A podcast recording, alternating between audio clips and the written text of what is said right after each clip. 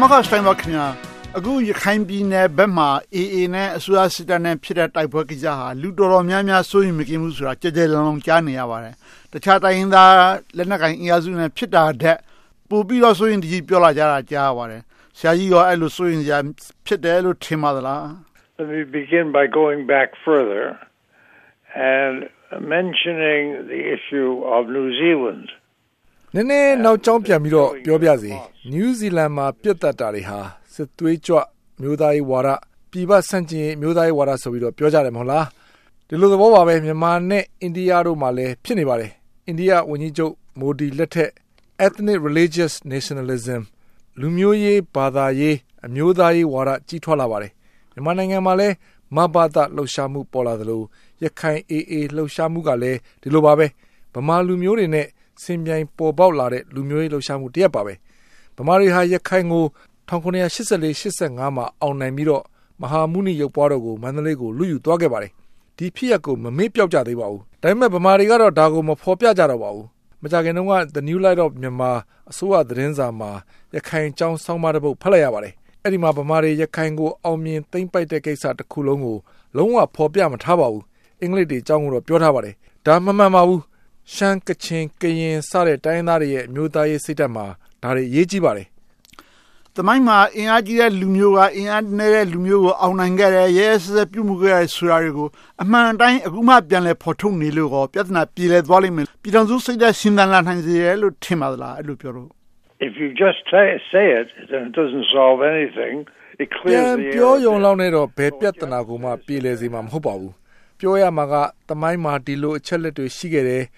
လစ်လျူရှုထားလို့မရနိုင်ဘူးဒီအမှားတွေကိုပြန်ပြင်ကြရအောင်လို့ပြောရမှာပါပြန်ပြင်နိုင်မဲ့စနစ်တရက်လည်းလိုပါတယ်တိုင်းသားလူနည်းစုတချို့အတွက် Federal အခွင့်အရေးတွေဖန်တီးပေးရမယ်ပြည်တော်စုထဲမှာတစုတပွေးတဲ့နေထိုင်နိုင်မှုအတွက်ဆိုလို့ရှိရင်အတိတ်ရဲ့အမှားတွေကိုအတိမတ်ပြုပြီးတော့အပေါင်းလက္ခဏာဆောင်လာအောင်လှုပ်သွားကြရမှာဖြစ်ပါတယ်အဲ့ဖြစ်ရပ်တွေကရာစုနှစ်နဲ့ချီပြီးတော့ကြာမြင့်ခဲ့ပြီဖြစ်ပါတယ်ပြန်ကောက်ရမှာနောက်ကျမနေတော့ဘူးလားဆရာကြီး It's not too late because it's going to keep coming up. အသိနောက်မကြပါဘူးဒီစိတ်ဓာတ်တွေကကြီးထွားမြင့်မားလာနေပါတယ်2019ခုနှစ်တုန်းကရခိုင်မျိုးသားနေ့မြောက်ဦးမြို့မှာအဒီကယုံဖြစ်လို့လူဒါဇင်ဝက်လောက်တည်ဆုံခဲ့ရတဲ့ဖြစ်ရပ်ကိုကြည့်ပါဒီဖြစ်ရပ်မှာဘယ်ဘက်ကမှားတယ်ဘယ်သူမှတာဝန်ရှိတယ်ဆိုတာကျွန်တော်တော့မသိပါဘူးကျွန်တော်သိတာကတော့ဗမာကြီးစိုးမှုကိုစန့်ကျင်တဲ့ရခိုင်ကိုယ်ပိုင်အုပ်ချုပ်ခွင့်ကိုပြသတယ်ဆိုတာပါပဲဒါတွေဟာအကျုံးဝင်နေတော့မှာပဲရုပ်စွာအဆုံးရခိုင်ဗုဒ္ဓဘာသာတချို့ကဒီကိစ္စတွေကို တိတ်ကိုအလေးထားနေတော့မှာပဲဒီစိတ်ဓာတ်တွေဟာသူတို့ရဲ့သားသမီးတွေစီကိုဆက်လက်ကူးဆက်သွားမှာပါဆိုတော့ဒီသမိုင်းဖြစ်ရပ်တွေဟာတိတ်ဟောင်းနွမ်းနောက်ကျနေခဲ့ပြီဆိုတာတော့မဟုတ်ပါဘူးအထူးသတိထားကင်တွယ်ရမယ့်ကိစ္စတွေဖြစ်နေတော့မှာပဲ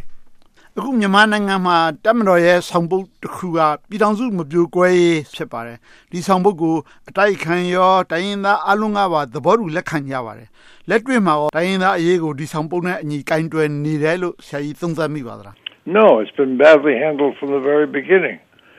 After မလို့ဆောင်ပါ all, ဘူးအစကတည်းကအမှားမှားယွင်ယွင်ကင်တွယ်လာခဲ့တာပါမူလာတော့ကပင်လုံမှာ Federal အစိုးရတီထောင်မှုပြောခဲ့ကြပေမဲ့လည်းဥနုလက်ထက်မှာအရက်သားအစိုးရဟာလည်း Federal အစိုးရမဟုတ်ခဲ့ပါဘူးနာမည်သာပြည်ထောင်စုမြန်မာနိုင်ငံ Union of Burma ဖြစ်နေပေမဲ့ပြည်ထောင်စုအစစ်အမှန်မဟုတ်ခဲ့ပါဘူးကျွန်တော်အများအားပြောခဲ့ဘူးသလိုပါပဲလွတ်လပ်ရေးရပြီးကတည်းက မြန်မာနိုင်ငံရဲ့အခြေခံပြဿနာဟာဒီမိုကရေစီမဟုတ်ပါဘူးတိုင်းရင်းသားဆက်ဆံရေးသာဖြစ်ပါတယ်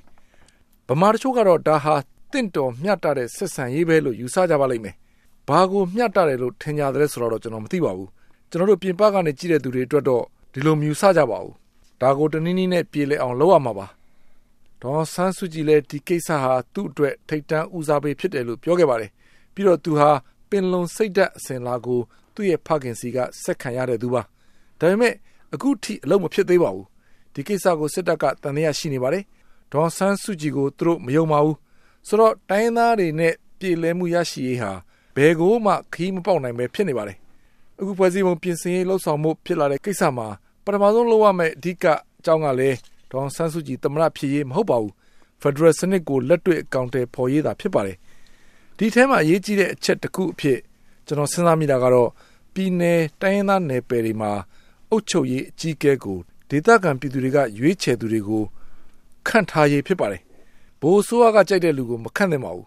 တချို့ကသုံးသပ်ကြပါတယ်ဒီနေရာမှာဂျာဝင်စစ်စားပေးမဲ့လူလိုအပ်တယ်အထူးသဖြင့်တရုတ်ကဝင်ရောက်ဖြန့်ဖြေပေးရင်ရနိုင်မယ်လို့ယူဆကြတာရှိပါတယ်ဆရာကြီးဘယ်လိုသဘောရပါလဲဖြစ်နိုင်ပါလား I don't think that is sound first of all I think that the Burmese resent foreigners ဒါကတိတ်ဖြစ်နိုင်တယ်လို့တော့ကျွန်တော်မထင်ပါဘူး နိုင်ငံသားတွေရဲ့ဂျားဝင်ဆွတ်ဖက်မှုတွေကိုလည်းမြန်မာတွေကမယုံလဲမယုံကြည်ကြပါဘူးဒါပေမဲ့တရုတ်ကလက်ရှိမှာမြန်မာနိုင်ငံကိုနိုင်ငံတကာမျက်မှောက်မှာကာကွယ်ပေးနေတဲ့အခါစီးပွားရေးအဖြစ်လည်းပဲအဓိကကျတဲ့နိုင်ငံတစ်ခုဖြစ်နေဆိုတော့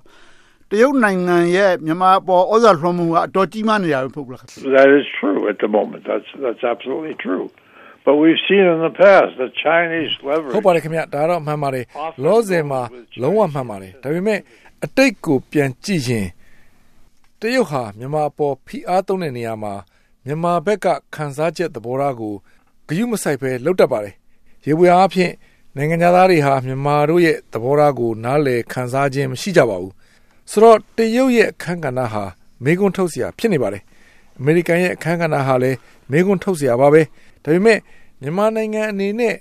Scandinavian နိုင်ငံတွေဒါမှမဟုတ် American တရုတ်စတဲ့နိုင်ငံတွေရဲ့ကြံစီ တိတ်တဆိတ်ပဲရယူသင့်တယ်လို့ထင်ပါတယ်ဒါပေမဲ့ဒီအကြံစီလောက်နဲ့တည်းမရပါဘူးတကယ်လက်တွေ့ဖြစ်အောင်ဥပဒေတွေလုပ်ရပြင်ရမှာလည်းဖြစ်ပါတယ်အိန္ဒိယရောခင်ဗျာအိန္ဒိယဟာဆိုရင်လည်းပဲသူတို့တိုင်းပြည်မှာဒီလိုလူမျိုးစုပြဿနာတွေအများကြီးနဲ့ရင်ဆိုင်ခဲ့ရတယ်ပြဿနာဖြစ်အောင်ထိန်းနိုင်ခဲ့တယ်တစ်ဖက်မှာလည်းပဲမြန်မာနိုင်ငံမှာသူတို့ရဲ့စီးပွားရေးအရာရင်းနှီးမြှုပ်နှံမှုဆန္ဒတွေအများကြီးရှိနေတယ်ဆိုတော့သူတို့ရဲ့တိုင်းပြည်အတွေ့အကြုံကိုမြန်မာနိုင်ငံအတွက်အသုံးချအကြံပေးတာမျိုး ဝင်ရောက်စစ်ဆက်တာမျိုးမလုပ်နိုင်ဘူးလားခင်ဗျာ India I think has a very important interest as you just said there there multi other Galatan River ကပြောသလိုပါပဲမြန်မာနိုင်ငံအတွင်းမှာအိန္ဒိယရဲ့အကျိုးစီးပွားဟာအင်မတန်မှအရေးကြီးပါတယ်ကလဒန်မြစ်နဲ့ပတ်သက်တဲ့စီမံကိန်းဟာမဏိပူရအာတန်နာဂဒေသတွေလိုအိန္ဒိယအရှေ့မြောက်ပိုင်းဒေသအတွက်တိတ်ကိုအရေးကြီးပါတယ်ဒီဒေသမှာအိန္ဒိယကိုတိုက်ခိုက်နေတဲ့သဘုံအဖွဲ့၁၇ဖွဲ့လောက်ရှိနေပါတယ် တချို့ကအိန္ဒိယမြန်မာနိုင်ငံမှာနေကြတဲ့လူမျိုးစုသဘုံတွေပါအိန္ဒိယဟာဒီဒေသကိုငြိမ်းချမ်းစေချင်တာတရုတ်ဩဇာကနေလွတ်မြောက်စေချင်တာပါဆိုတော့အိန္ဒိယကတိတ်တဆိတ်ကူညီနိုင်ပါတယ်ဒါပေမဲ့ဝန်ကြီးချုပ်နရိန္ဒရာမူဒီဟာဟိန္ဒူမျိုးသားရေးစိတ်ဓာတ်ကိုနှိုးဆွနေပါတယ်ဒါအိန္ဒိယအတွက်စိုးရင်စရာပါအိန္ဒိယမှာမွတ်စလင်ကတန်း150လောက်ရှိပါတယ်တိတ်အကဲဆက်တဲ့ကိစ္စပါမြန်မာရှိကိုပြန်ကြည့်မယ်ဆိုရင် the worst case scenario ပေါ့ဆရာကြီး အဆိုးဝါးဆုံးဖြစ်နိုင်တဲ့အခြေအနေဘယ်လိုလို့ထင်ပါသလဲ AA ကအခုခါမှာဝါကိုအားကြပြီးတော့ confederation